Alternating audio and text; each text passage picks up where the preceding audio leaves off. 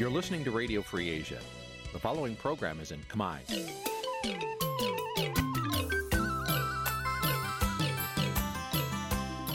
នេះជាកម្មវិធីផ្សាយ Vuthu Azizi Serai នេះជាកម្មវិធីផ្សាយរបស់ Vuthu Azizi Serai ជាភាសាខ្មែរ Vuthu Azizi Serai សូមស្វាគមន៍លោកអ្នកនាងទាំងអស់ពីរដ្ឋធានី Washington នៃសហរដ្ឋអាមេរិក ពីរដ្ឋធានី Washington ខ្ញុំបាទជាចំណានសូមជម្រាបសួរលោកអ្នកនាងអ្នកស្ដាប់ Vuthu Azizi Serai ទាំងអស់ជាទីមេត្រីយើងខ្ញុំសូមជូនការផ្សាយសម្រាប់ព្រឹកថ្ងៃសុក្រ12រោចខែមករាឆ្នាំឆ្លូវត្រីស័កពុទ្ធសករាជ2565ដែលត្រូវនៅថ្ងៃទី31ខែធ្នូគ្រិស្តសករាជ2021បាទជាដំបូងនេះសូមអញ្ជើញលោកអ្នកនាងស្ដាប់ព័ត៌មានប្រចាំថ្ងៃដែលមានមេត្តាដូចតទៅ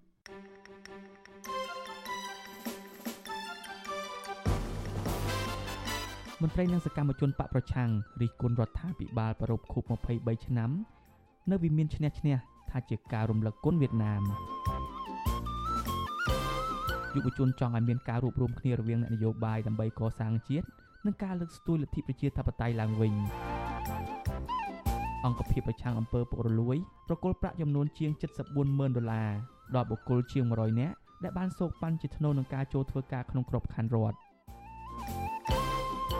គណៈបកនយោបាយ2ជំទាស់រឿងកោចបកែបត់បញ្ជានិងនីតិវិធីសម្រាប់ការបោះឆ្នោតឃុំសង្កាត់រួមនឹងព័ត៌មានមួយចំនួនទៀតបាទជាបន្តទៅទៀតនេះខ្ញុំបាទជាចំណានសូមជូនព័ត៌មានទាំងនេះពិស្ដាមន្ត្រីគណៈបកប្រឆាំងរិះគន់រដ្ឋាភិបាលដែលបានប្រពខួប23ឆ្នាំនៃការបញ្ចប់សង្គ្រាមស៊ីវិលនៅកម្ពុជា ថាជាការខ្ជះខ្ជាយថវិកាជាតិហើយថាការរលត់នៃសង្គ្រាមស៊ីវិលនៅកម្ពុជា គឺដោយសារតែប្លុកកុម្មុយនីសដួលរលំ និងកត្តាដទៃទៀតផងដែរប្រតិកម្មនេះធ្វើឡើងក្រោយពេលដែលរដ្ឋមន្ត្រីក្រសួងការពារជាតិបានរំលឹកខួបនេះនៅស្ទូបអនុស្សាវរីយ៍វិមានឈ្នះឈ្នះនៅរាជធានីភ្នំពេញកាលពីព្រឹកថ្ងៃទី30ខែធ្នូដែលបានចាត់ទុកលោកនាយករដ្ឋមន្ត្រីហ៊ុនសែនជាបិតាសន្តិភាពនៅកម្ពុជាបាទលោកមួនណារ៉េតរាយការណ៍ព័ត៌មាននេះមន្ត្រីគណៈបកប្រឆាំងនឹងក្រុមប្រឹក្សាឃ្លាំមើលកម្ពុជារិះគន់ថាស្ថានភាពសពថ្ងៃនេះរដ្ឋាភិបាលគួរតែយកថវិកាដែលប្រពៃពិធីនោះ ទៅចែកដល់ប្រជាពលរដ្ឋក្រីក្រ ដែលកំពុងតែអត់ឃ្លានដោយសារតែអត់ការងារធ្វើបណ្ដាលមកពីវិបត្តិនៃជំងឺ Covid-19 វាប្រសើរជាងការចំណាយថវិកាជាតិដ៏សន្ធឹកសន្ធាប់ប្រពខួបដើម្បីដឹងគុណដល់ប្រទេសវៀតណាមបែបនេះមន្ត្រីជាន់ខ្ពស់គណៈបកសង្គ្រោះជាតិលោកអ៊ុំសំអានប្រាប់វិទ្យុអាស៊ីសេរីនៅថ្ងៃទី30ខែធ្នូថាវិមានឈ្នះឈ្នះនេះសម្ដៅទៅលើប្រទេសវៀតណាមជាអ្នកឈ្នះ គឺពុំមែនកម្ពុជាឈ្នះដោយការលើកឡើងរបស់រដ្ឋាភិបាលនោះទេលោកបន្តថាសប្តាហ៍ថ្ងៃនេះវៀតណាមចំណេញច្រើនពីកម្ពុជាដូចជាបានឲ្យលោកហ៊ុនសែនចុះហត្ថលេខាបំពេញបន្ថែមសន្ធិសញ្ញាព្រំដែនឆ្នាំ2005និងឆ្នាំ2009ដែលយកតាមសន្ធិសញ្ញាឆ្នាំ1985ដែលពេលនោះវៀតណាមកំពុងតែគ្រប់គ្រងកម្ពុជា បន្ថែមពីនេះវៀតណាមបានបញ្ជូនប្រជាពលរដ្ឋរបស់ខ្លួន ជាច្រើនអ្នកចូលមករស់នៅកម្ពុជាហើយរដ្ឋាភិបាលក្រុងភ្នំពេញបានផ្ដល់ភាពស្របច្បាប់ដល់ជនអន្តោប្រវេសន៍ទាំងនោះទៀតផងដូច្នេះលោកយល់ថាការដែលរដ្ឋាភិបាលប្រារព្ធពិធីបែបនេះមិនបានប្រយោជន៍អ្វីដល់ប្រជាពលរដ្ឋកម្ពុជានោះឡើយ។ ទី2ឈ្នះខាងថាជនជាតិវៀតណាមបន្តរស់នៅកម្ពុជាពេញទឹកពេញដីហ្នឹងជាពិសេសនៅបឹងទន្លេសាបនៅទន្លេមេគង្គនេះហ្នឹងហើយជាបង្កគ្រោះថ្នាក់ទៅដល់អនាគតនៃប្រទេសកម្ពុជាយើងហ្នឹងយើងឃើញចឹងឯងហើយដល់ឥឡូវនេះគាត់គាត់យកអ្វីដែលគាត់រំដោះបានពីខ្មែរក្រហមហ្នឹងយកប្រទេសកម្ពុជាជាកម្មសិទ្ធិផ្ដាច់មុខរបស់ក្រុមគូសាតកូលហ៊ុនអញ្ចឹងបានគាត់ចង់ផ្ទេរអំណាចពីគាត់រហូតដល់កូនរបស់គាត់ហើយដល់ចៅរបស់គាត់ទៀតបន្តកាន់អំណាចតវងតកូលដោយនៅកូរ៉េខាងជើងដោយសម័យស្ដេចសម័យមុនអញ្ចឹងណា ប្រតិកម្មរបស់មន្ត្រីបកប្រឆាំងនេះធ្វើឡើងក្រោយពេលដែលរដ្ឋមន្ត្រីក្រសួងការពារជាតិលោកទាបាញ់បានដឹកនាំមន្ត្រីរាជការនិងកងកម្លាំងប្រដាប់អាវុធរាប់ពាន់នាក់ប្រពខួប23ឆ្នាំនៃការបញ្ចប់សង្គ្រាមស៊ីវិលនៅកម្ពុជានៅស្ទូបអនុស្សាវរីយ៍វិមានឈ្នះឈ្នះនៅក្នុងរាជធានីភ្នំពេញនៅព្រឹកថ្ងៃទី30ខែធ្នូលោកទាបាញ់បានប្រកាសនៅក្នុងពិធីនោះ ថាកម្ពុជាមានសុខសន្តិភាពនឹងការអភិវឌ្ឍដោយសពថ្ងៃនេះក៏ដោយសារតែនយោបាយឈ្នះឈ្នះរបស់លោកហ៊ុនសែនលោកចាត់ទុកលោកហ៊ុនសែនថាជាស្ថាបនិកសន្តិភាពរបស់កម្ពុជា យើងមិនមានឈានធានយើងនេះគឺជាទឹកតាងដែលបង្ហាញពីខ្លឹមសារនៃនយោបាយជាតិនេះនិងអ្វីដែលជាជីវិតជាក់ស្ដែងរបស់សម្ដេចតេជោក្នុងនាមជាស្ថាបនិកនិងជាមាសគតិឯកដែលបានបង្កើតគោលនយោបាយសម្រាប់សន្តិភាពនិងការឯកភាពជាតិហើយក៏បានលំលេចថែមទៀតនៅការចូលរួមនិងសម្បត្តិសម្តិផលនានាដែលមានជាហោហែទីនេះនឹងចរិតថែមទៀតនៅគុណូបការៈរបស់សម្ដេចតេជោក្នុងបដិវត្តថ្មីនេះទុយពីការលើកឡើងនេះមន្ត្រីបពប្រឆាំងនិងអ្នកឃ្លាំមើលសង្គមលើកឡើងថាការបញ្ចប់សង្គ្រាមស៊ីវិលនៅកម្ពុជា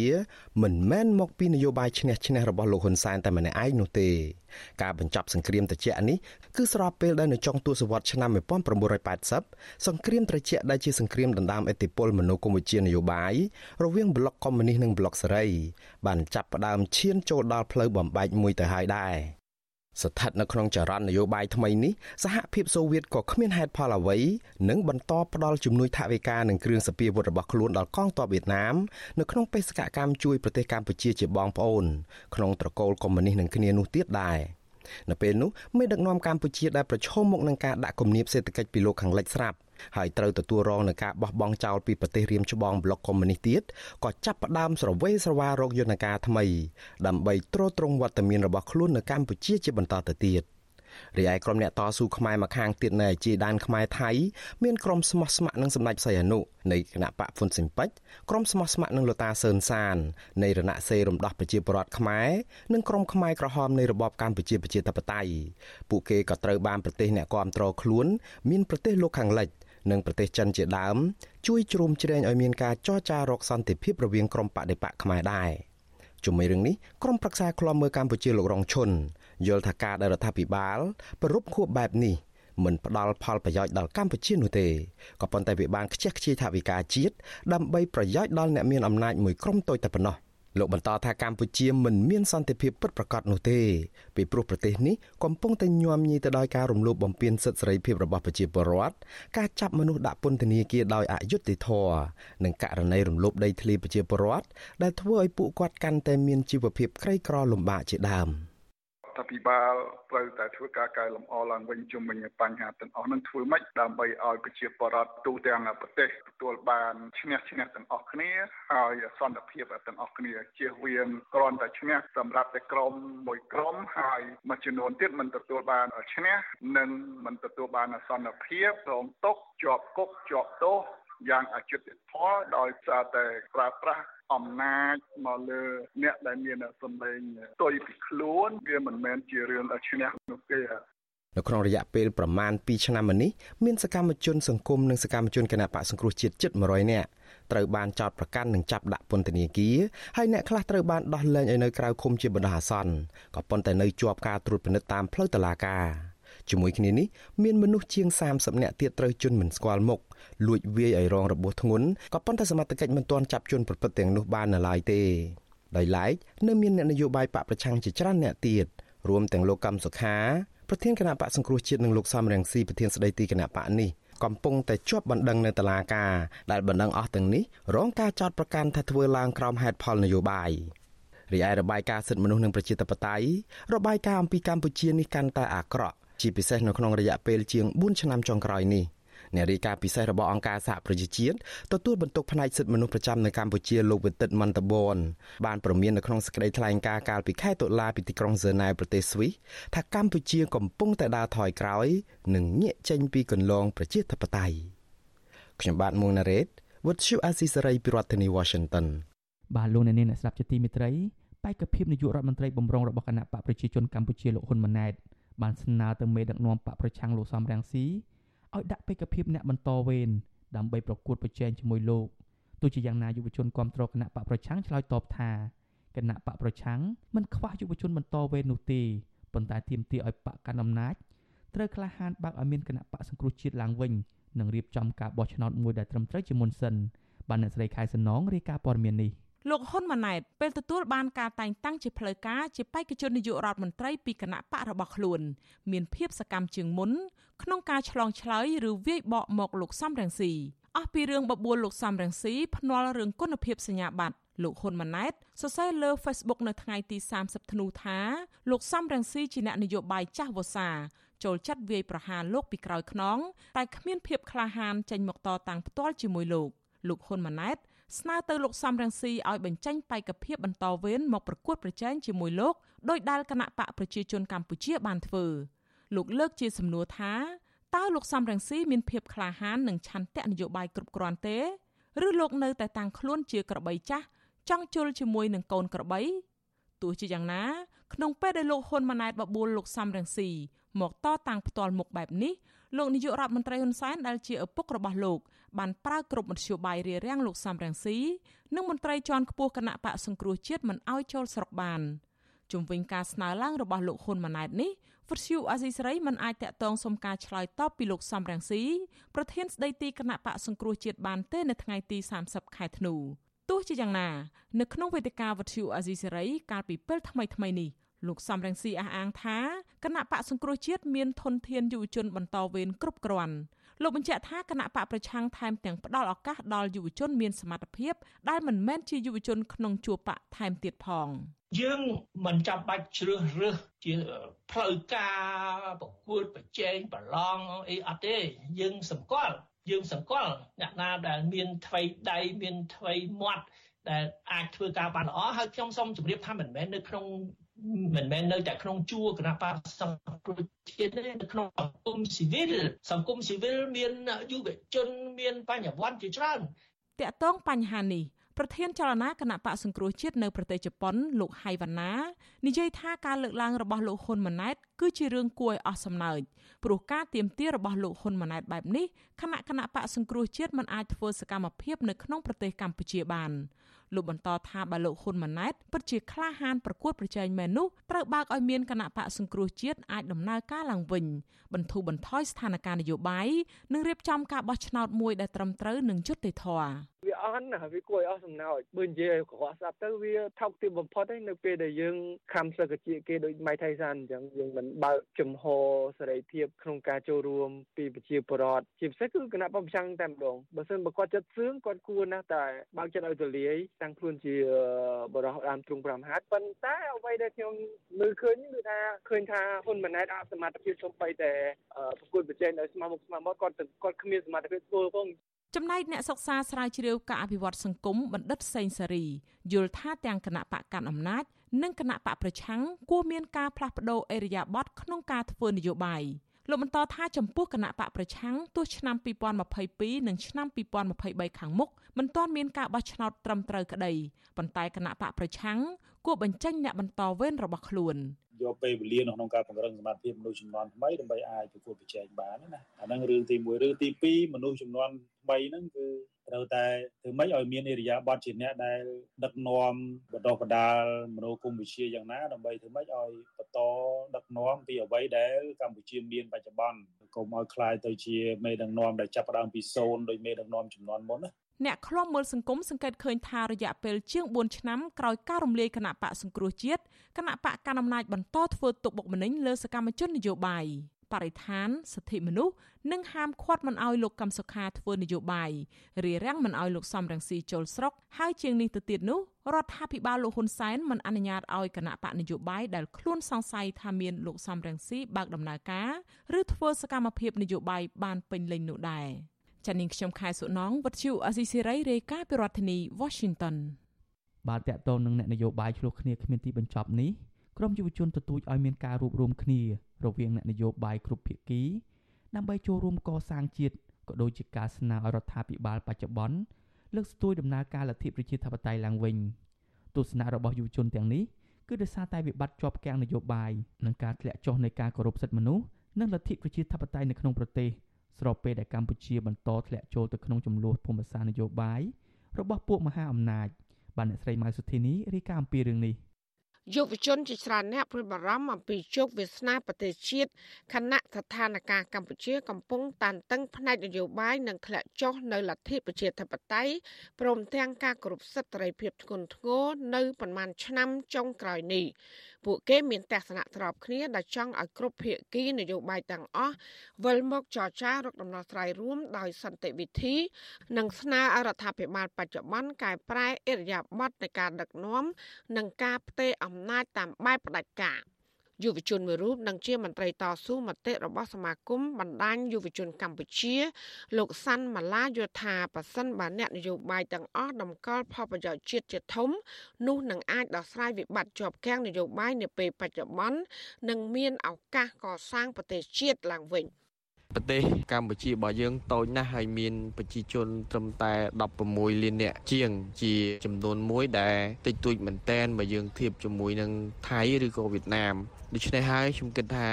អ្នកនយោបាយគួរតែលះបង់នៅគំនិតបុគ្គលនិយមគ្រួសារនិយមហើយពួតដៃគ្នាកសាងនិងអភិវឌ្ឍសង្គមជាតិឲ្យរីកចម្រើនរុងរឿងផ្ដល់នៅសេចក្តីសុខនិងសុភមង្គលដល់ប្រជាពលរដ្ឋ យុវជនមួយរូបទៀតដែលជានិស្សិតបញ្ញាបត្រនីតិសាស្ត្រនៅខេត្តបាត់ដំបងកញ្ញាអ៊ុយលីន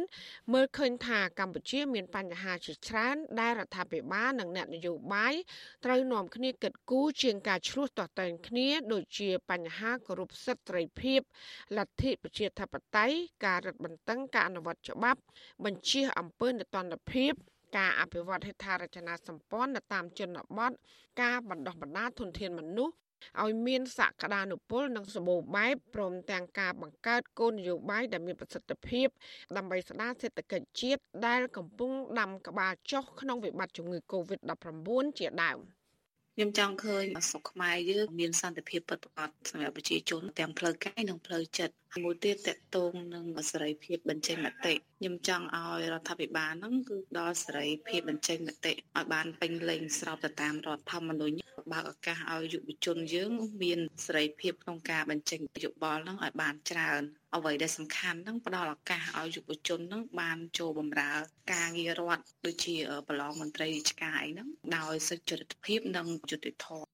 យុវជនមួយរូបទៀតដែលជាអតីតកម្មជនមេដាធម្មជាតិកញ្ញាភួនកែរស្មីយល់ថាថ្មីបាននៅចុងឆ្នាំ2021នេះមានការដោះលែងក្រុមយុវជនស្រឡាញ់សង្គមមួយចំនួនក៏ពិតមែនប៉ុន្តែកញ្ញានៅតែមើលឃើញថាលំហសិទ្ធិត្រីភាព ក្នុងការបញ្ចេញមតិនិងកិច្ចការងារសង្គមត្រូវបានរដ្ឋបិទដោយមិនមានការលើកទឹកចិត្តឬក៏គ្រប់គ្រងពីសំណាក់រដ្ឋាភិបាលនៅឡើយ។ យើងឃើញថាឥឡូវលោកហ៊ុនម៉ាណែតគាត់បានខ្លាយទៅជាអនាគតនាយករដ្ឋមន្ត្រីដោយដែលលោកហ៊ុនសែនប្រកាសហើយប៉ុន្តែយើងអត់ទាន់ឃើញមានការបោះឆ្នោតទេអញ្ចឹងទៅយើងចាំមើលព្រឹត្តិការណ៍បោះឆ្នោតនៅអាណត្តិមុខទៀតហើយយើងក៏សង្ឃឹមថានឹងមានភាពផ្លាស់ប្ដូរទៅរកភាពវិជ្ជមាននៅក្នុងប្រទេសកម្ពុជាអ្នកនយោបាយបើសិនជាគាត់ចង់ភ្នាល់គ្នាដោយសពថ្ងៃសង្ឃឹមថាគាត់ភ្នាល់គ្នារឿងបំបត្តិការកាប់បំផ្លាញព្រៃឈើបំបត្តិគ្រឿងញៀនភ្នាល់គ្នារឿងចាប់ឈ្មួញខុបខិតដែលរំលោភធនធានធម្មជាតិក៏ដូចជាអ្នកដែលកេងប្រវ័ញ្ចទាំងប្រមាណហើយនឹងអ្នកដែលប្រព្រឹត្តអំពើពុករលួយនៅក្នុងជួររដ្ឋាភិបាលវិញកុំឲ្យភ្នាល់គ្នារឿងណាដែលវាអត់មានប្រយោជន៍ដល់ប្រទេសជាតិចាប់តាំងពីតឡាការបានរំលាយគណៈបកទទួលជាតិកាលពីឆ្នាំ2017មកស្ថានភាពសិទ្ធិមនុស្សនិងលទ្ធិប្រជាធិបតេយ្យកាន់តែធ្លាក់ចុះដុនដាបខ្លាំងបំផុតលោកហ៊ុនសែនដែលជាអ្នកដឹកនាំមួយរូបកាន់អំណាចយូរជាងគេនៅលើពិភពលោក បានប្រែក្លាយកម្ពុជាទៅជារដ្ឋឯកបកតាមរយៈការកំទេចគណៈបកប្រឆាំង ការបន្តបង្ក្រាបឥតឈប់ឈរលើមន្ត្រីនិងសកម្មជនបកប្រឆាំងព្រមទាំងក្រុមអ្នកសិទ្ធិមនុស្សដូចជាប្រសង់យុវជនរួមទាំងក្រុមអ្នកសារព័ត៌មានឯករាជ្យជាដើមលើសពីនេះស្របពេលដែលលោកហ៊ុនសែនកំពុងត្រួសត្រាយផ្លូវសម្រាប់ផែនការផ្ទេរអំណាចតពូជលោកតែងតែបញ្ចេញសារគម្រាមកំហែងជាបន្តបន្ទាប់ក្នុងការកំទេចក្រុមអ្នកដែលប្រឆាំងនឹងរិះគន់លោកដែលកាន់តែធ្វើឲ្យស្ថានភាពសិទ្ធិមនុស្ស និងលទ្ធិប្រជាធិបតេយ្យរឹតតែអាក្រក់ថែមទៀត។ជុំវិញព្រឹត្តិការណ៍ទាំងនេះយុវជនតាមដានស្ថានភាពសង្គមលោកគៀនពន្លកយល់ថាអ្នកនយោបាយគូនាំគ្នាវិលមករកតុកចរចា ដើម្បីរកដំណោះស្រាយដោយសន្តិវិធី ដើម្បីដោះស្រាយវិបត្តិប្រទេសជាតិដែលកំពុងកើតមានឡើង។ ជាពិសេសកម្ពុជាដែលនឹងក្លាយជាប្រធានអាស៊ាននៅឆ្នាំ2022គួរតែប្រញាប់ដោះស្រាយការជាប់គាំងនយោបាយឲ្យបានឆាប់រហ័សនិងរៀបចំការបោះឆ្នោតមួយប្រកបដោយតម្លាភាពសេរីនិងយុត្តិធម៌ជាពិសេសគឺត្រូវមានចំហឯករាជ្យមិនពាក់ព័ន្ធក្នុងចំនួនភូមិសាស្ត្រនយោបាយនៃពួកមហាអំណាចខ្ញុំចង់ឃើញអ្នកនយោបាយដែលចាស់ភាសាទាំងពីរហើយនិងអ្នកនយោបាយចំនួនក្រោយហ្នឹងធ្វើជាគំរូ សម្រាប់យុវជនចំនួនក្រោយបន្តទៀតគឺចូលរួមក្នុងការដោះស្រាយចំនួននយោបាយបើកលំហប្រជាធិបតេយ្យការគោរពសិទ្ធិមនុស្សការបោះឆ្នោតមួយប្រកបដោយតម្លាភាពឯករាជ្យភាពហើយកោចបមួយដែលมันមានភាពលំអៀងហើយជាពិសេសគឺចង់ឃើញគណៈបកប្រឆាំងមួយដ៏ធំដូចជាគណៈបកសង្គ្រោះជាតិចូលរួមការបោះឆ្នោតនៅក្នុងឆ្នាំ2022 2023ខាងមុខនេះ ទី1គឺយើងដើម្បីដោះស្រាយចំនួននយោបាយទី2គឺយើងដើម្បីបញ្ជៀសទណ្ឌកម្មរបស់អន្តរជាតិដែលបានដាក់មកលើប្រទេសកម្ពុជាយើងនាពេលកន្លងមកនេះបាទ កន្លងមកនេះមន្ត្រីសង្គមស៊ីវិលបកប្រឆាំងនិងប្រជាពលរដ្ឋទទូចឲ្យរដ្ឋាភិបាលកម្ពុជា ដឹកនាំប្រទេស ដោយគោរពទៅតាមស្មារតីរដ្ឋធម្មនុញ្ញលទ្ធិប្រជាធិបតេយ្យជាពិសេសពួកគេចង់ឲ្យអ្នកដឹកនាំផ្ទេរអំណាចតាមរយៈការបោះឆ្នោតត្រឹមត្រូវពុំមែនតាមរយៈវងត្រកូលឡើយ ហើយដែលនាំឲ្យប្រទេសជាតិកាន់តែជួបភាពវឹកវរជួបភាពអាម៉ាស់នៅលើឆាកអន្តរជាតិនិងខាតបង់ផលប្រយោជន៍ជាតិពិតប្រាកដចាននាងខ្ញុំម៉ៃសុធានីវិទ្យុអាស៊ីសេរីប្រធានាធិបតី Washington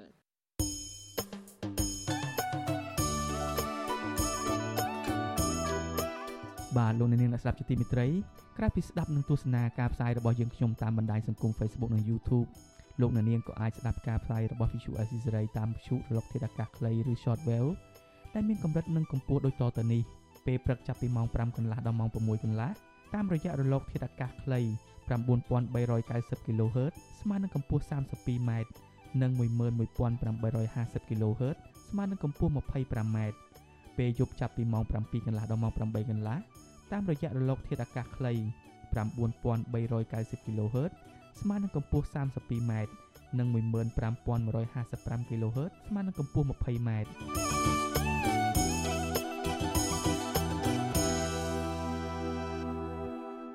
បាទលោកអ្នកនាងអ្នកស្ដាប់ជាទីមេត្រីគណៈបកនយោបាយ2រួមគ្នាជំទាស់រឿងគណៈកម្មាធិការជាតិរៀបចំការបោះឆ្នោតពីការកែប័ណ្ណបញ្ជានិងនីតិវិធីសម្រាប់ការបោះឆ្នោតឃុំសង្កាត់អាណត្តិទី5ឆ្នាំ2022បាទលោកនួនរ៉េតមានសេចក្តីរាយការណ៍មួយទៀតអំពីរឿងនេះ នៅក្នុងសេចក្តីថ្លែងការណ៍រួមគ្នាមួយ កាលពីថ្ងៃទី30ខែធ្នូម្សិលមិញគណៈបកប្រជាធិបតេយ្យមូលដ្ឋានដែលដឹកនាំដោយលោកយេងវិរៈនិងគណៈបកកម្ពុជានិយមដឹកនាំដោយលោកយ៉ែមបញ្ញរិទ្ធស្នើឲ្យកោជបគំលុបចោលប្រការនៅក្នុងជំពូកទី9ស្ដីពីការចែកជូនកំណត់ហេតុនៃការរាប់សัญลักษณ์ឆ្នោតជូនភ្នាក់ងារគណៈបកនយោបាយដែលមានវត្តមានចំណុចមួយទៀតដែលគណៈបកទាំងពីរនេះទៀមទាដែរនោះគឺសុំឲ្យកោជប កុំលុបប្រយោគដើមដែលមាននៅក្នុងបទបញ្ជានិងនីតិវិធីសម្រាប់ការបោះឆ្នោតជ្រើសរើសក្រុមប្រឹក្សាគុំសង្កាត់បច្ចុប្បន្នត្រង់ជំពូកទី10ពាក់ព័ន្ធនឹងការរៀបចំនិងវិច្ចប់កញ្ចប់សវត្ថិភាពកដែលមានសัญลักษณ์ឆ្នោតដើមនិងក្រដាស់រាប់ពីការិយាល័យបោះឆ្នោតនានាមានបិទក្រដាស់សវត្ថិភាពដើម្បីការពារមិនឲ្យមានការក្លែងបន្លំគណៈបកទាំងនេះអះអាងថាការរក្សាខ្លឹមសារដើមដោយមិនលុបឬកែប្រែវា និងបង្ហាញឲ្យឃើញថាគោជបព្យាយាមធានាឲ្យមានការបោះឆ្នោត ដែលប្រព្រឹត្តទៅដោយសេរី ត្រឹមត្រូវនឹងយុត្តិធម៌តំណាងគណៈបកទាំងនេះសង្ឃឹមថាគោជបនឹងទទួលយកតាមការទៀមទានេះ ការទៀមទានេះធ្វើឡើងក្រោយអគ្គលេខាធិការកោជបលោកទេពនីថា កាលពីថ្ងៃទី22ខែធ្នូបានដឹកនាំកិច្ចប្រជុំមួយដើម្បីពិនិត្យនិងពិភាក្សាលើអនុសាសន៍របស់ភាគីពាក់ព័ន្ធលើសេចក្តីព្រៀងប័ណ្ណបញ្ជានិងនីតិវិធីសម្រាប់ការបោះឆ្នោតជ្រើសរើសក្រុមប្រឹក្សាគុំសង្កាត់អាណត្តិទី5ឆ្នាំ2022វិទ្យុអាស៊ីសេរីមិនអាចសុំការបំភ្លឺជាមួយរឿងនេះពីអ្នកនាំពាក្យកោជបលោកហងពុធាបាននៅឡើយទេ កាលពីថ្ងៃទី30ខែធ្នូនោះ។ ស្របពេលដែលតំណាងគណៈបកប្រជាធិបតេយ្យមូលដ្ឋាន និងគណៈបកកម្ពុជានិយមមិនពេញចិត្តនឹងការកែប័ណ្ណបញ្ជា និងនីតិវិធីសម្រាប់ការបោះឆ្នោតក្រុមប្រឹក្សាគុំសង្កាត់តំណាងគណៈបកនយោបាយមួយចំនួនផ្សេងទៀតនាពេលថ្មីថ្មីនេះបង្ហាញការមិនពេញចិត្តទៅនឹងស្ថាប័នកោជបនេះទាំងមូលតែម្ដងពួកគេថាសមាជិកនៃគណៈកម្មាធិការជាតិនេះមកពីបកតែមួយ ដែលមិនអាចធ្វើឲ្យដំណើរការបោះឆ្នោត ប្រព្រឹត្តទៅដោយសេរីត្រឹមត្រូវនិងយុត្តិធម៌នោះឡើយ។ ពួកគាត់ប្រមានថាបកជបនៅតែមិនកែតម្រង់សមាជិកនេះឲ្យបាននៅមុនការបោះឆ្នោតខាងមុខនេះទេពួកគាត់នឹងធ្វើពហិការដោយមិនចូលរួមការបោះឆ្នោតនោះតែម្ដងខ្ញុំបាទមុងណារ៉េត With you Azisaray ប្រធានាទី Washington លោកនាងជាទីមេត្រីអង្គភាពប្រឆាំងអំពើពុករលួយ បានប្រគល់ប្រាក់ប្រមាណជាង74ម៉ឺនដុល្លារដល់បេក្ខជន129នាក់ដែលបានសោកប៉ាន់ជាថ្នូវនឹងការចូលធ្វើការក្នុងក្របខ័ណ្ឌរដ្ឋនៅមន្ទីរសុខាភិបាលខេត្តក្រចេះ ស្ថាប័នអាយកាអមសាលាដំបងខេត្តក្រចេះបានចោទប្រកាន់មន្ត្រីរដ្ឋបាលនិងមន្ត្រីសុខាភិបាលខេត្តក្រចេះពីររូបពីបទវិតិក្រមពាក់ព័ន្ធនឹងសំណុំរឿងពុករលួយនេះបានអ្នកស្រីម៉ៅសុធីនីរាយការណ៍ព័ត៌មាននេះជនសង្ស័យទាំងពីរនាក់ដែលត្រូវបានឃុំខ្លួនបណ្ដោះអាសន្ននៅពន្ធនាគារខេត្តកោះចេះរួមមានប្រធានការិយាល័យរដ្ឋបាលនៃមន្ទីរសុខាភិបាលខេត្តកោះចេះគឺលោកទឺប៊ុនលេងនិងអនុប្រធានការិយាល័យរដ្ឋបាលឈ្មោះជាងសុកអេង សេចក្តីជូនដំណឹងរបស់ ACU កាលពីថ្ងៃទី27ខែធ្នូអះអាងថាជនសង្ស័យទាំងពីរនាក់នេះបានទទួលប្រាក់សូកប៉ាន់ពីបេក្ខជនចំនួន129នាក់ក្នុងការជ្រើសរើសឲ្យចូលក្របខ័ណ្ឌរដ្ឋរបស់ក្រសួងសុខាភិបាលពិតប្រាកដមែនបច្ចុប្បន្នចៅក្រមស៊ើបសួរនៃសាលាដំបងខេត្តកោះចេះកំពុងបន្តនីតិវិធីតាមផ្លូវតុលាការ។ សេចក្តីប្រកាសរបស់ ACU បន្តថាអង្គភាពប្រឆាំងអំពើពុករលួយ សហការជាមួយតុលាការខេត្តក្រចេះបានស៊ើបអង្កេតករណីប្រព្រឹត្តអំពើពុករលួយនេះក្រោយពីមានពាក្យបណ្ដឹងរបស់មន្ត្រីរាជការនៅតាមមន្ទីរពេទ្យបង្អែកនិងមណ្ឌលសុខភាពទាំងអស់នៅក្នុងខេត្តក្រចេះ កាលពីថ្ងៃទី19ខែមិថុនាឆ្នាំ2021ដែលបានលាតត្រដាងអំពើរបស់មន្ត្រីរដ្ឋបាលនៃមន្ទីរសុខាភិបាលខេត្តទាំងពីររូបនេះដែលបានទារប្រាក់ពីមន្ត្រីស្ម័គ្រចិត្តនិងមន្ត្រីជាប់កិច្ចសន្យាទាំង129នាក់នោះដោយក្នុងម្នាក់ម្នាក់ចាប់ពី10000ដុល្លារទៅ13000ដុល្លារជាថ្នូរនឹងបានការងារធ្វើនៅក្នុងក្របខ័ណ្ឌរដ្ឋនៃក្រសួងសុខាភិបាល។ ជាប្រធានសមាគមអាត6លោកនីសុខាមានប្រសាសន៍ប្រាប់បច្ចុប្បន្នអសីស្រី កាលពីយប់ថ្ងៃទី30ខែធ្នូថាបញ្ហាសោកប៉ាន់ប្រាក់ដើម្បីទទួលបានការងារក្នុងក្របខ័ណ្ឌរដ្ឋនេះគឺភាកច្រើនកើតមាននៅគ្រប់ក្រសួងស្ថាប័នរដ្ឋបើទោះបីជាគ្មានតនន័យបង្ហាញច្បាស់លាស់ក៏ដោយរឿងដែលតាក់ទងទៅនឹងការសោកប៉ាន់ដើម្បីចូលធ្វើកិច្ចការងារនេះមិនមែនជាលើកទី1ទេបាទ វាមានន័យថាធ្វើបើតែយើងមិនមានជាសិនន័យអីតែគ្រាន់ថាតាមការលេចលឺអំពីស្ថាប័ននីមួយៗអំពីការចូលក្របខ័ណ្ឌនៅក្នុងការធ្វើការងារនៅក្នុងស្ថាប័នមួយមួយគឺថាជាច្រើនសិតតែរឿងអស់លុយ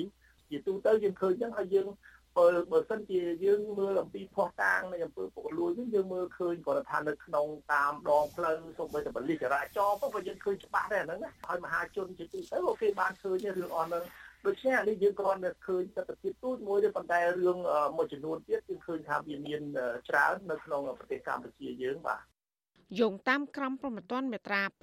592និងមាត្រា593បាត់ល្មើសវិតិក្រមគឺជាអំពើរបស់អ្នករាជការសាធារណៈឬបរដ្ឋទទួលអាណត្តិដោយការបោះឆ្នោតដែលទាមទារ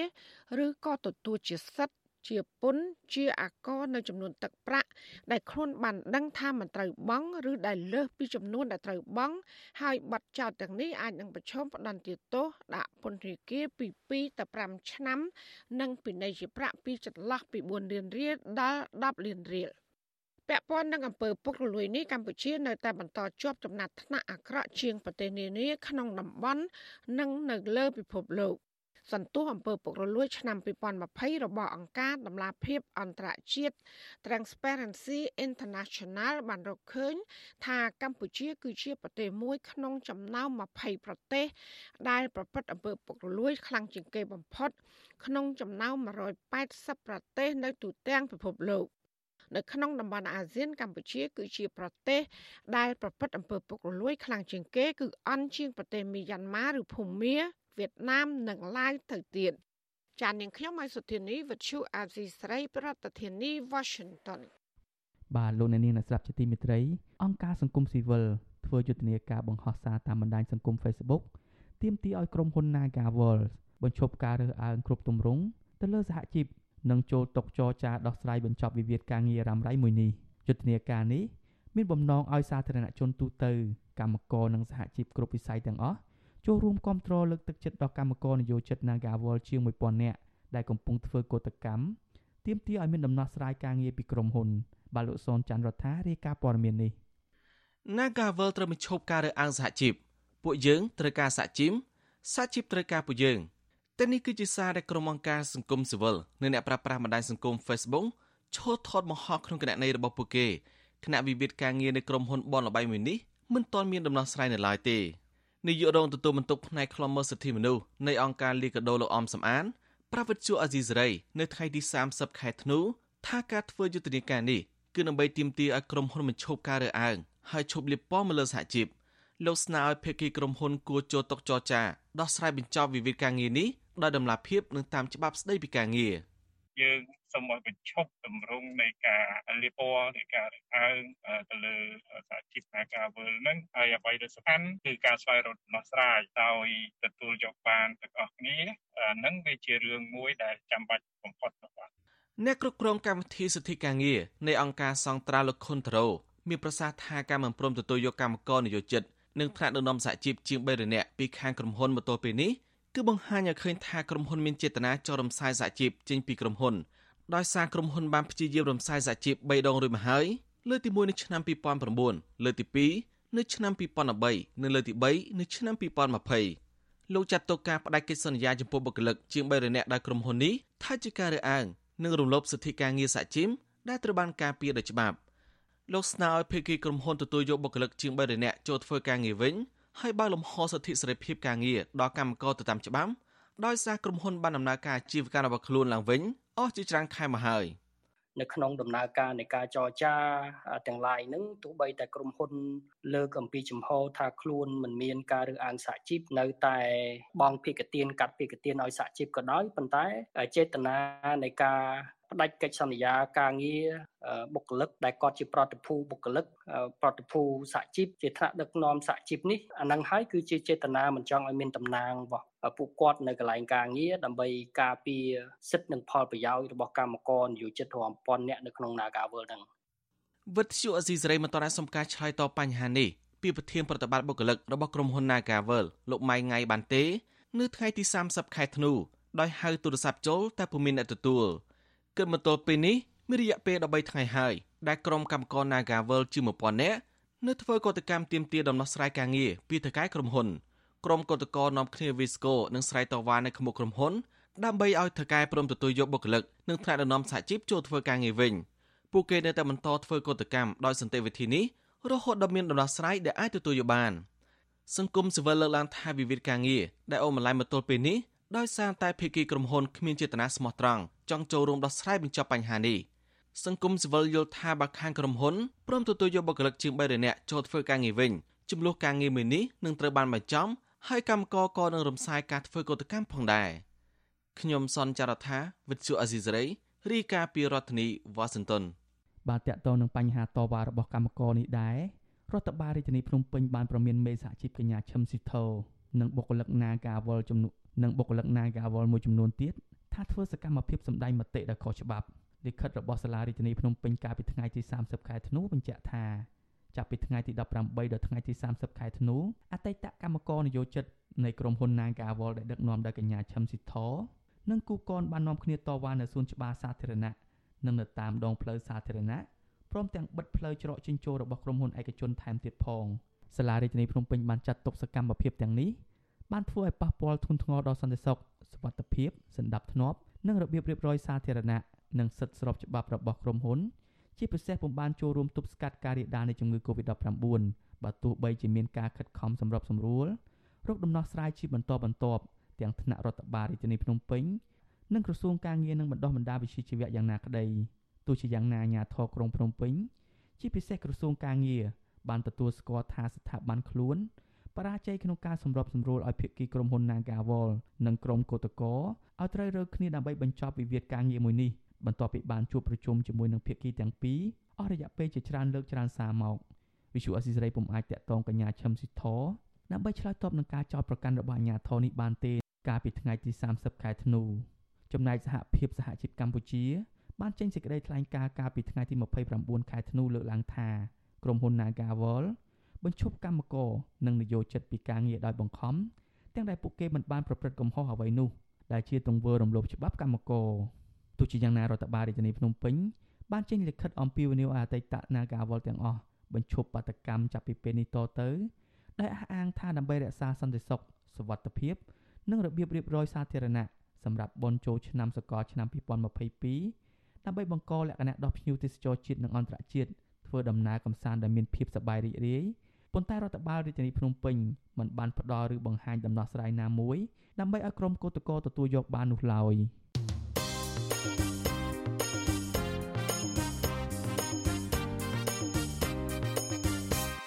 បាទលោកអ្នកនាងជាទីមេត្រីតំណាងកសិករអ្នកសេដ្ឋកិច្ចក្រៅប្រព័ន្ធសង្ឃឹមថាស្ថានភាពសេដ្ឋកិច្ចឆ្នាំ2022ខាងមុខនេះនឹងអាចមានភាពប្រសើរខ្លះប្រសិនបើវិបត្តិនៃការរីករាលដាលជំងឺ Covid-19 អាចគ្រប់គ្រងបាន ហើយរដ្ឋាភិបាលមានការរៀបចំគោលនយោបាយនិងយកចិត្តទុកដាក់ដល់ពួកគាត់ឲ្យបានត្រឹមត្រូវបាទសូមលោកអ្នកនាងរងចាំស្ដាប់នឹងទស្សនាកិច្ចពិភាក្សានេះនៅក្នុងនីតិវេទិកាអ្នកស្ដាប់វិទ្យុអេស៊ីសេរីដែលមានភ្ញៀវជាតំណាងកសិករនិងអ្នកសេដ្ឋកិច្ចក្រៅប្រព័ន្ធចូលរួម នៅរាត្រីថ្ងៃសុក្រនេះ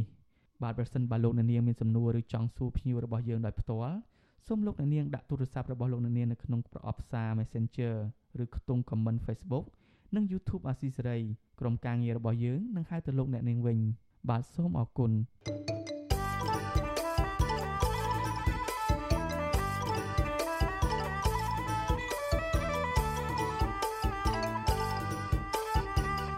បាននៅខេត្តកំពតឯនោះវិញតុលាការខេត្តនេះបានកោះហៅអ្នកសារព័ត៌មាននៅខេត្តស្វាយរៀងឲ្យទៅឆ្លើយបំភ្លឺលើកទី2នៅថ្ងៃទី20ខែមករាឆ្នាំ2022ក្រោមបទចោទញុះញង់និងប្រមាថ ចៅក្រមស៊ើបសួរសាលាដំបងខេត្តកំពតលោកអង្គសុភាបានបង្គាប់ឲ្យចាងវាងកាសែត LSN TV លោកលួសសេងទៅឆ្លើយបំភ្លឺដំណើររឿងចោទប្រកាន់ពីបទញុះញង់ឲ្យប្រព្រឹត្តបទក្រិតជាអាតនិងប្រមាថកាលពីថ្ងៃទី22ខែធ្នូប៉ុន្តែត្រូវបានអ្នកកាសែតរូបនេះដាក់ពាក្យបញ្ជាលពេលលោកលួសសេងប្រាប់អ្នកសារព័ត៌មានក្នុងស្រុកនៅថ្ងៃទី30ខែធ្នូថាការកោះហៅនេះគឺជាការគម្រាមកំហែងបំបាក់ស្មារតីទៅលើអ្នកសារព័ត៌មានមិនឲ្យហ៊ានផ្សាយបញ្ហានានាក្នុងខេត្តនេះ កាលពីថ្ងៃទី8ខែវិច្ឆិកា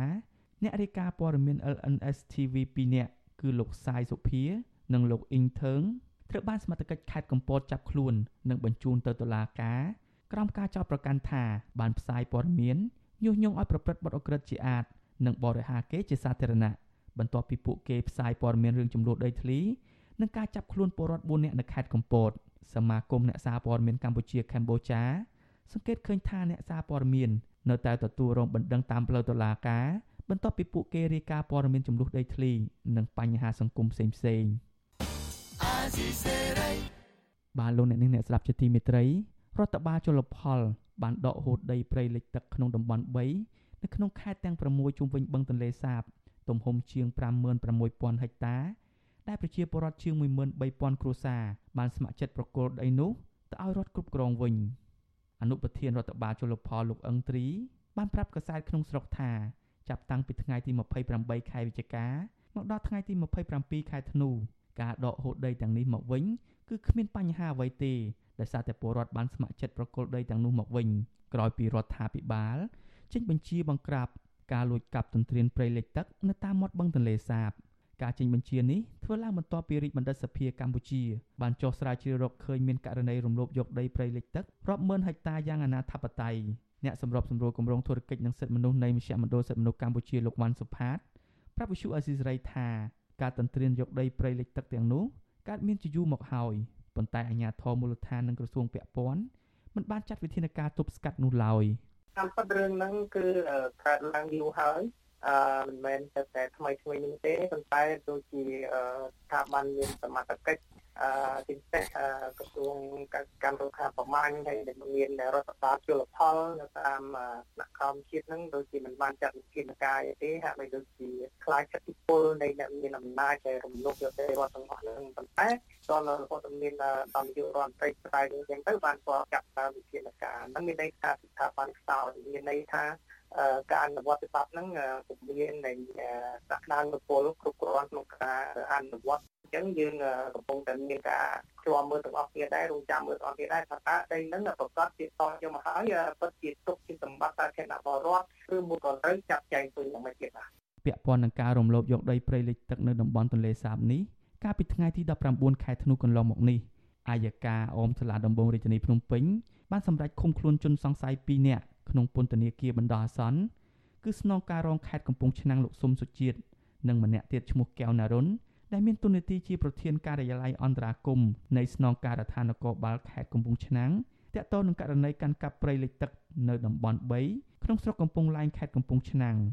លោកអង្ត្រីឲ្យដឹងដែរថាគិតត្រឹមថ្ងៃទី27ខែធ្នូឆ្នាំ2021ខេត្តទាំង6នៅជុំវិញបឹងទន្លេសាបបានដាំដុះព្រៃលិចទឹកមានដូចជាដើមរាំង ដើមរំដេញ ដើមត្ដោល ដើមសណ្ដាន់ជាដើម បានចំនួនជាង20000ដើម ដាំដើមឫស្សីជាង5000គុម្ពនិងបានដាំដើមត្នោតចំនួន250ដើម និងបានព្រោះគ្រាប់ត្នោតចំនួន77000គ្រាប់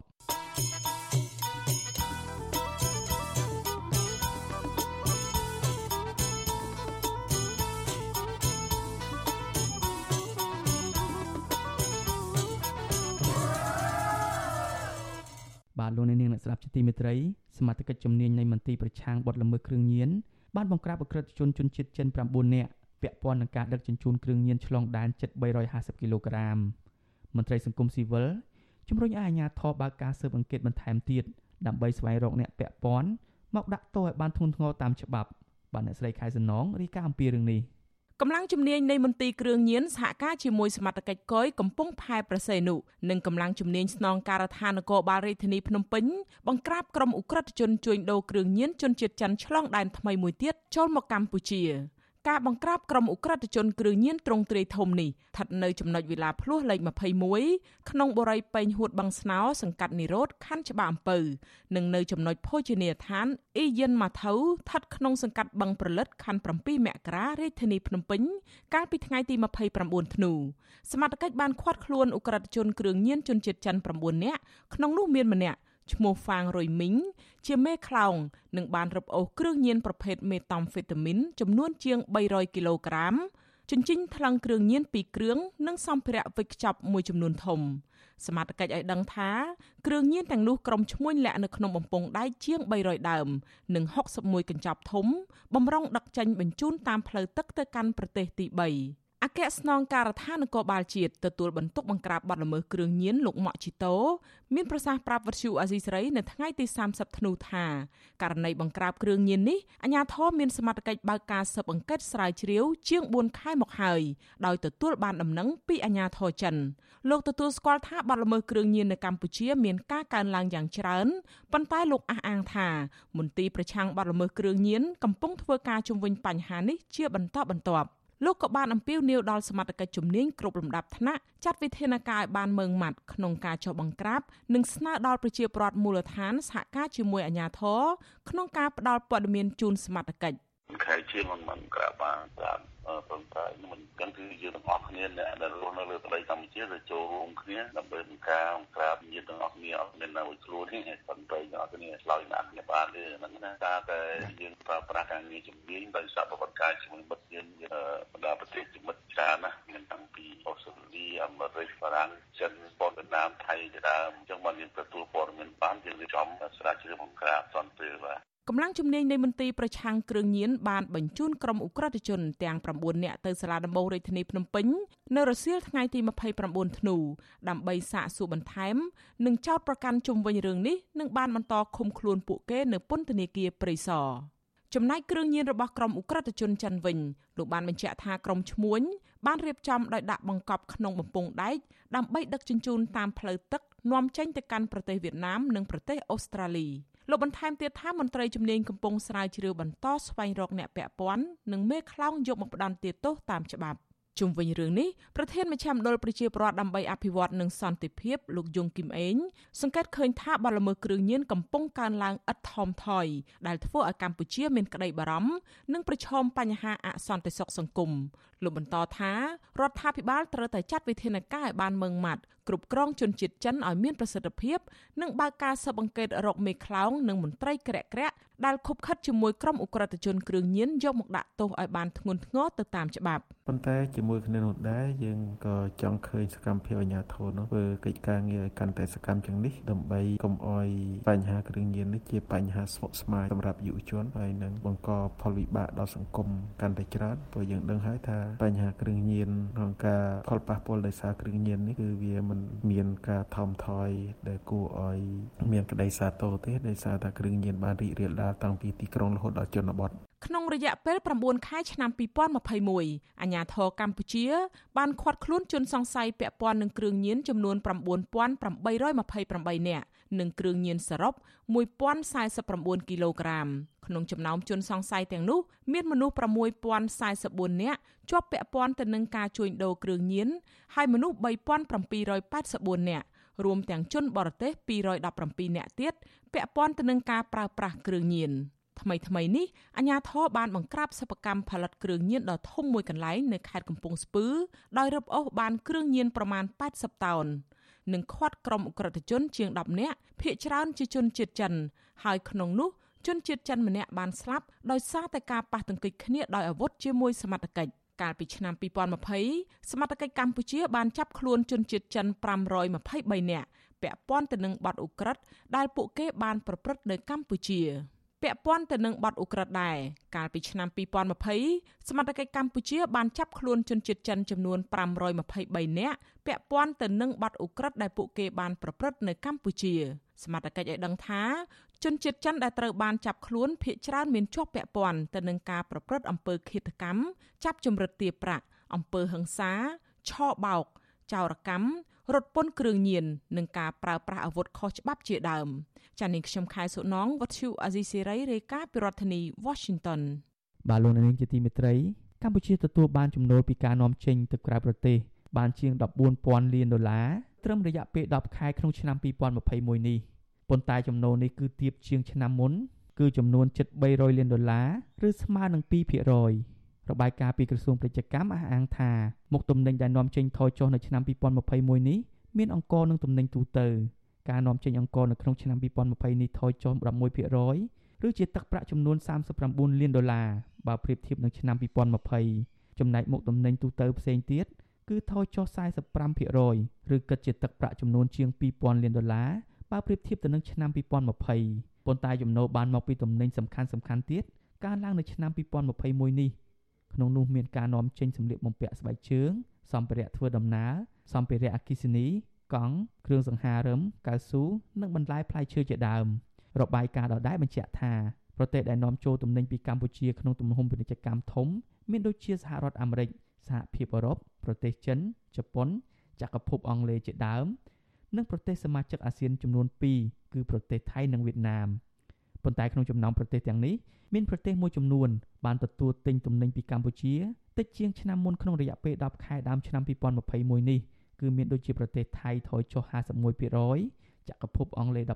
15%និងបណ្ដាប្រទេសផ្សេងទៀតគឺសរុប18%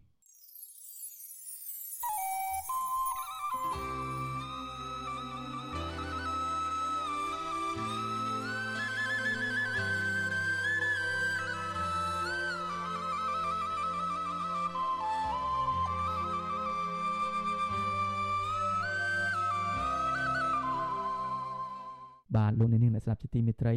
អ្នកខ្លំមើលនយោបាយសង្កេតឃើញថាក្នុងឆ្នាំ2021នេះមានព្រឹត្តិការណ៍នយោបាយមួយចំនួនកើនឡើងគួរឲ្យកត់សម្គាល់ព្រឹត្តិការណ៍ធំធំទាំងនោះរួមមានការរកឃើញទាយាទស្នងតំណែងនាយករដ្ឋមន្ត្រីរបស់ត្រកូលហ៊ុនជំហរលោកកឹមសុខាពាក់ព័ន្ធនឹងលោកសំរងស៊ីនិងការដើរបញ្ច្រាស់ទិសរបស់លោកហ៊ុនសែនក្នុងនាមជាប្រធានបដូវវេនអាស៊ានបាទលោកមួណារ៉េតមានសេចក្តីរាយការណ៍ពឹស្ដារមួយទៀតអំពីរឿងនេះ។ មុនដាច់ឆ្នាំចាស់ឆ្នាំសកល ផ្លាស់ចូលឆ្នាំថ្មី លោកនាយរដ្ឋមន្ត្រីហ៊ុនសែនដែលបានកាន់អំណាចអស់រយៈពេល36ឆ្នាំមកហើយនេះធ្វើបានសម្រេចនៅក្នុងការស្រោតលើកបន្ទប់កូនប្រុសច្បងរបស់លោកកលូហ៊ុនម៉ាណែតដែលជាមន្ត្រីយោធាឲ្យក្លាយជានាយករដ្ឋមន្ត្រីបំរុងលោកហ៊ុនម៉ាណែតបច្ចុប្បន្នមានវ័យ44ឆ្នាំ ជាអគ្គមេបញ្ជាការរងនៃកងយុទ្ធពលខេមរៈភូមិន្ទផង និងជាមេបញ្ជាការកងទ័ពជើងគោកផង។ តំណែងទាំងនេះរួមទាំងតំណែងផ្សេងផ្សេងទៀតសុទ្ធតែបានមកពីការតែងតាំងដោយឪពុករបស់លោកអ្នកវិភាគនយោបាយឯករាជ្យនឹងជើងចាស់លោកបណ្ឌិតឡាវម៉ុងហៃព្យាករថាកម្ពុជាទៅថ្ងៃមុខនឹងក្លាយជាប្រទេសប្រកាន់របបសឹកនៅតំបន់អាស៊ានសពថ្ងៃប្រទេសមួយដែលជាគំរូនៃរបបសឹកគឺប្រទេសមីយ៉ាន់ម៉ាឬក៏ភូមារបបសឹកភូមាបានធ្វើរដ្ឋប្រហារយោធាដណ្ដើមគ្រប់គ្រងប្រទេស ពីគណៈបកនយោបាយដែលដឹកនាំដោយប្រជាពលរដ្ឋស៊ីវិលនិងដែលឈ្នះឆ្នោតភ្លុកទឹកភ្លុកដីក្រោយរដ្ឋបហានេះក្រមយោធាបានចាប់មេដឹកនាំគណៈបកប្រឆាំងឃុំខ្លួន និងបាញ់សម្លាប់ប្រជាពលរដ្ឋស្លូតត្រង់ដែលតវ៉ាឲ្យស្ដារសិទ្ធិមនុស្សនិងប្រជាធិបតេយ្យឡើងវិញអស់ជាង1400នាក់លើពីនេះពួកយោធាបានបន្តធ្វើទុកបុកម្នេញសកម្មជននិងអ្នកនយោបាយបកប្រឆាំងឥតស្រាកស្រានការធ្វើទុកបុកម្នេញលើសម្លេងប្រឆាំងនេះកើតមាននៅប្រទេសកម្ពុជាឥតស្រាកស្រានដែរ អ្នកវិភាគនយោបាយដែលកំពុងតែភៀសខ្លួននៅប្រទេសហ្វាំងឡង់លោកកឹមសុខសង្កេតឃើញថានៅក្នុងឆ្នាំ2021នេះលោកហ៊ុនសែនមិនបញ្ឈប់ការធ្វើទុកបុកម្នេញលើគណៈបកសង្គ្រោះជាតិនោះឡើយលោកបន្តទៀតថាការធ្វើទុកបុកម្នេញសម្លេងប្រឆាំងនេះនឹងនៅបន្តទៅមុខទៀតព្រោះលោកហ៊ុនសែនចង់រក្សាគម្រោងផែនការនៃការផ្ទេរអំណាចឲ្យកូនប្រុសឲ្យបានរលូន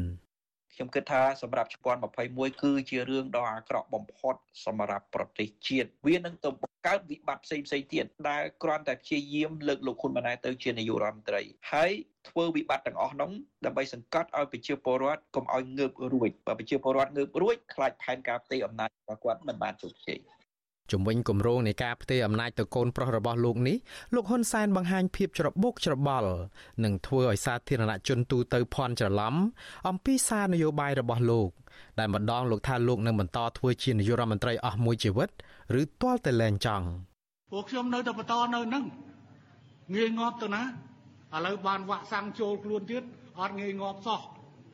ហើយខ្ញុំអត់ប្រកាសឥឡូវឈប់ប្រកាសពីរឿង10ឆ្នាំ20ឆ្នាំ ធ្វើឲ្យតល់តែឈប់ចង់ធ្វើកុំឲ្យវាពិបាកពេកបន្តិចទេអំណាចឲ្យហ៊ុនម៉ាណែតបន្តិចទេអំណាចឲ្យទៅនេះឲ្យទៅនោះឥឡូវមិនបាច់ទេហ្មងនៅអញ្ចឹងហ្មងការលើកឡើងរបស់លោកហ៊ុនសែនកាលពីថ្ងៃទី4ខែមីនា នៅមន្ទីរពេទ្យកាឡម៉ែតនោះផ្ទុយស្រឡះពីសម្ដីរបស់លោកកាលពីពេលមុនមុនកាលនោះលោកថានឹងឈប់ធ្វើនាយករដ្ឋមន្ត្រីនៅពីអាណត្តិទៀតឬក៏នៅត្រឹមអាយុ78ឆ្នាំ ក៏ប៉ុន្តែកាលពីថ្ងៃទី29ខែធ្នូថ្មីថ្មីនេះលោកក្រឡាស់សម្ដីនេះទៀតដោយលោកថាលោកនឹងលែងធ្វើជានាយករដ្ឋមន្ត្រី ចាប់ពីឆ្នាំ2023ខាងមុខនេះតទៅហើយខ្ញុំសូមបញ្ជាក់ពេលនេះខ្ញុំជានាយករដ្ឋមន្ត្រីក្រោយឆ្នាំ2023ខ្ញុំទៅជាឪនាយករដ្ឋមន្ត្រី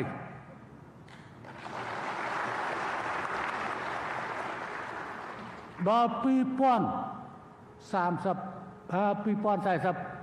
ខ្ញុំនឹងคลายទៅជាជីតានាយករដ្ឋមន្ត្រីចាំមើលមើល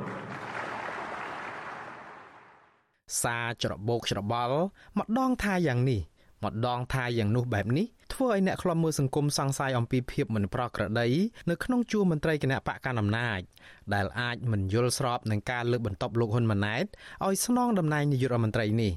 ម្ល៉េះហើយការបោះឆ្នោតសម្ងាត់នៅក្នុងការជ្រើសរើសបេក្ខជននាយករដ្ឋមន្ត្រីបន្តវេនដែលធ្វើនៅក្នុងពិធីសន្និបាតបកកណ្ដាលអំណាចកាលពីថ្ងៃទី24ខែធ្នូនោះត្រូវបោះដោយលើកដៃជំនួសវិញជាលទ្ធផលសមាជិកគណៈកម្មាធិការកណ្ដាលរបស់គណៈបកនេះចំនួន775នាក់បង្ហាញដៃគាំទ្រលោកហ៊ុនម៉ាណែតដើម្បីក្លាយជាបេក្ខជននាយករដ្ឋមន្ត្រីកម្ពុជាបន្តវេនបន្ទាប់ពីលោកនាយករដ្ឋមន្ត្រីហ៊ុនសែន ជំវិញរឿងនេះអ្នកនាំពាក្យគណៈបកកណ្ដាលអំណាចលោកសុកអេសានអះអាងថាផ្ទៃក្នុងរបស់គណៈបកប្រជាជនកម្ពុជា នៅតែរឹងមាំដដែលក្នុងពេលជាមួយគ្នានេះលោកថារដ្ឋាភិបាលនឹងមិនបន្ធូរដៃឲ្យសកម្មជននិងមេដឹកនាំគណៈបកប្រឆាំងទេ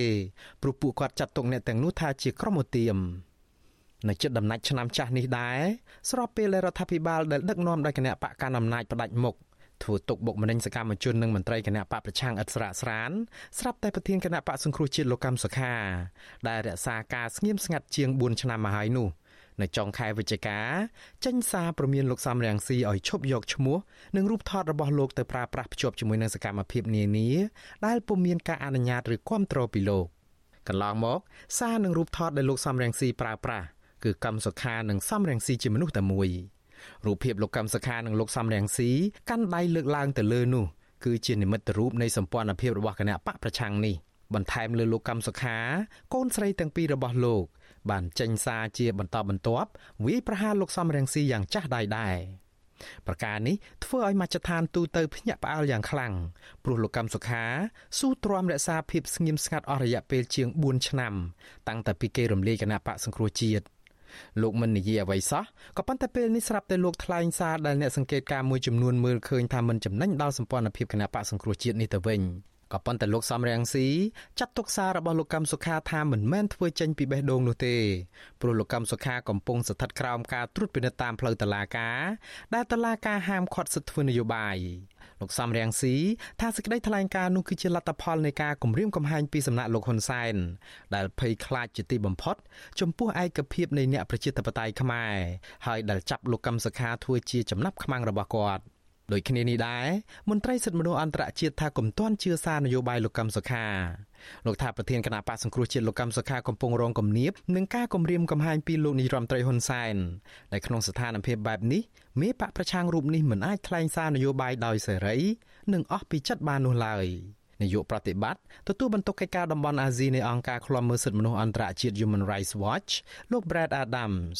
ថាមានតែមធ្យោបាយមួយគត់ដើម្បីឲ្យសាធារណជនទូទៅអាចជឿជាក់លើសាររបស់លោកកឹមសុខាបាន គឺទាល់តែលោកកឹមសុខា មានសេរីភាពពេញលេញដោយឥតលក្ខខណ្ឌនិងគ្មានការដាក់សម្ពាធឬការគំរាមកំហែងពីលោកហ៊ុនសែនក្នុងការបន្តដឹកនាំគណៈបកសង្គ្រោះជាតិឬបើកគណៈបកនយោបាយថ្មីណាមួយ And you know until Kamsaka can travel freely, can leave the country, can ដរាបណាលោកកឹមសុខានៅតែមិនទាន់អាចធ្វើដំណើរដោយសេរីដូចជាធ្វើដំណើរចេញទៅក្រៅប្រទេសបានដោយសេរីនោះទេ យើងនៅនៅតែមិនអាចដឹងបានថាតើលោកកឹមសុខាគិតពីអ្វីឲ្យពិតប្រាកដទោះជាយ៉ាងនេះក្តីក្នុងស្ថានភាពបែបនេះគឺលោកកឹមសុខា និងមន្ត្រីជាប់បម្រើម្នាក់ទៀតកំពុងស្ថិតក្រោមគំនាបនិងសម្ពាធគ្រប់ពេលវេលាជារួមកាលណានរណាម្នាក់គ្មានសេរីភាពពេញលេញអ្នកនោះមិនអាចនិយាយអ្វីបានតាមសន្តិពិតប្រាកដរបស់ខ្លួននោះឡើយ then you can never be sure what they say is voluntary ក្រៅពីព្រឹត្តិការណ៍នយោបាយនៅក្នុងប្រទេសពាក់ព័ន្ធនឹងសាររបស់លោកកឹមសុខានឹងការលើកបន្ទប់កូនលោកហ៊ុនសែនឲ្យត្រៀមស្នងតំណែងនាយករដ្ឋមន្ត្រីកម្ពុជានេះកម្ពុជាបានធ្វើឲ្យពិភពលោកភ្ញាក់ផ្អើលដោយព្រឹត្តិការណ៍ដើរបញ្ច្រាស់ទិសរឿងវិបត្តិនយោបាយនៅប្រទេសមីយ៉ាន់ម៉ាឬក៏ភូមា អ្នកសិក្សាការអភិវឌ្ឍសង្គមលោកបណ្ឌិតសេងសេរី សង្កេតឃើញព្រឹត្តិការណ៍នោះថាធំព្រោះលោកហ៊ុនសែនប្រកាសចេញមុខជួយដោះស្រាយចំនួននយោបាយនៅប្រទេសភូមាក្នុងនាមជាប្រធានអាស៊ានបដូវវេននៅក្នុងឆ្នាំ2022ខាងមុខក្នុងពេលដែលប្រទេសអាស៊ានជាច្រើនរួមទាំងប្រធានអាស៊ានជិតផុតអាណត្តិផងនាំគ្នាជំទាស់លោកបន្តថាជំហរលោកហ៊ុនសែនបានធ្វើឲ្យខុសប្លែកពីប្រធានអាស៊ានមុនមុន លោកព្រួយបារម្ភថាការស្វែងរកដំណោះស្រាយនយោបាយនេះអាចធ្វើឲ្យប៉ះពាល់ដល់នយោបាយនៅក្នុងតំបន់អាស៊ានព្រោះកម្ពុជា រងការថ្កោលទោសជំទិះពីសហគមន៍អន្តរជាតិរឿងរំលោភសិទ្ធិមនុស្សនិងបំផ្លាញប្រជាធិបតេយ្យដែលនេះបញ្ជាក់ថាកម្ពុជាដោះស្រាយវិបត្តិខ្លួនឯងមិនចេញផងតើមានមុខអ្វីទៅដោះស្រាយបញ្ហាប្រទេសដទៃចេញនោះ ទន្ទឹមនឹងរដ្ឋាភិបាលប្រឹងប្រែងនៅក្នុងការចង់ទៅដោះស្រាយចំនួននៅភូមិរដ្ឋាភិបាលកម្ពុជាបច្ចុប្បន្នក៏គួរតែពិចារណាឡើងវិញនៅក្នុងការដោះស្រាយវិបត្តិនយោបាយនៅកម្ពុជាដែរជំវិញបញ្ហានេះអ្នកនាំពាក្យរដ្ឋាភិបាលលោកផៃស៊ីផានឆ្លើយតបថាការដោះស្រាយនយោបាយនៅប្រទេសភូមាគឺជាទូនាទីរបស់លោកហ៊ុនសែននៅក្នុងនាមជាប្រធានអាស៊ាន លោកអះអាងទៀតថាវិបត្តិនយោបាយនៅប្រទេសភូមានេះមិនខុសពីវិបត្តិនយោបាយដែលលោកហ៊ុនសែនធ្លាប់បានឆ្លងកាត់និងបានដោះស្រាយកាលពីប្រមាណទសវត្សរ៍មុននោះដូច្នេះការអញ្ជើញរបស់សម្ដេចតេជោគឺដើម្បីជីវិតរបស់ប្រជាពលរដ្ឋឯភូមិចាកចេញពីវិនិស្សកម្មឬសពនិស្សកម្មដែលកើតចេញពីសង្គ្រាមស៊ីវិល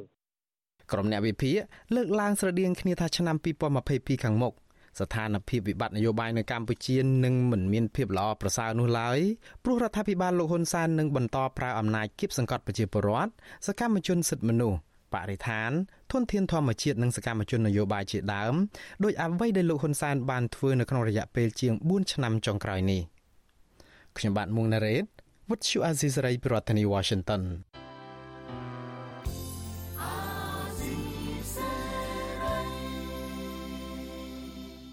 បាទលោកនាងជាទីមេត្រីការផ្សាយរយៈពេល1ម៉ោងនៃវិទ្យុអេស៊ីសរ៉ៃជាភាសាខ្មែរនៅពេលនេះចប់តែប៉ុណ្ណេះជាខ្ញុំសូមជូនពរដល់លោកនាងព្រមទាំងក្រុមគ្រួសារទាំងអស់ឲ្យជួបប្រកបតែនឹងសេចក្តីសុខចម្រើនរុងរឿងកបីគ្លៀងគ្លាតឡើយខ្ញុំបាទចិត្តចំណានព្រមទាំងក្រុមការងារនៃវិទ្យុអេស៊ីសរ៉ៃសូមអរគុណនិងសូមជម្រាបលា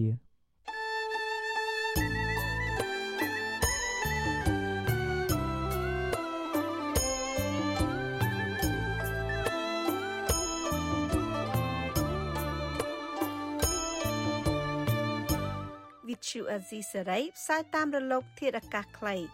ឬ short wave តាមកម្រិតនិងកម្ពស់ដូចតទៅនេះពេលព្រឹកចាប់ពីម៉ោង5កន្លះដល់ម៉ោង6កន្លះតាមរយៈរលកធាតុអាកាសខ្លី9390 kHz ស្មើនឹងកម្ពស់ 32m និង11850 kHz ស្មើនឹងកម្ពស់ 25m ពេលយប់ចាប់ពីម៉ោង7កន្លះដល់ម៉ោង8កន្លះតាមរយៈរលកធាតុអាកាសខ្លី 9390 kHz ស្មើនឹងកម្ពស់ 32m និង15155 kHz ស្មើនឹងកម្ពស់ 20m លោកអ្នកនាងក៏អាចស្ដាប់ការផ្សាយផ្ទាល់តាមប្រព័ន្ធអ៊ីនធឺណិតដោយចូលទៅកាន់គេហទំព័រ www.rfa.org/ ខ្មែរក្រៅពីនេះលោកអ្នកនាងក៏អាចអាននិងទស្សនាព័ត៌មានវិទ្យុអេស៊ីសរ៉ៃលើទូរស័ព្ទដៃរបស់លោកអ្នកផ្ទាល់ សូមលោកអ្នកនាងចូលទៅកាន់បណ្ដាញសង្គម Facebook ដែលមានអាសយដ្ឋាន www.facebook.com/rfa.cambodia និង YouTube www.youtube.com/rfa ខ្មែរ video សូមលោកអ្នកនាងចុច like និងចុច subscribe ដើម្បីទទួលបានព័ត៌មានថ្មីៗទាន់ហេតុការណ៍និងទស្សនាវីដេអូផ្សេងៗទៀតបានគ្រប់ពេលវេលា។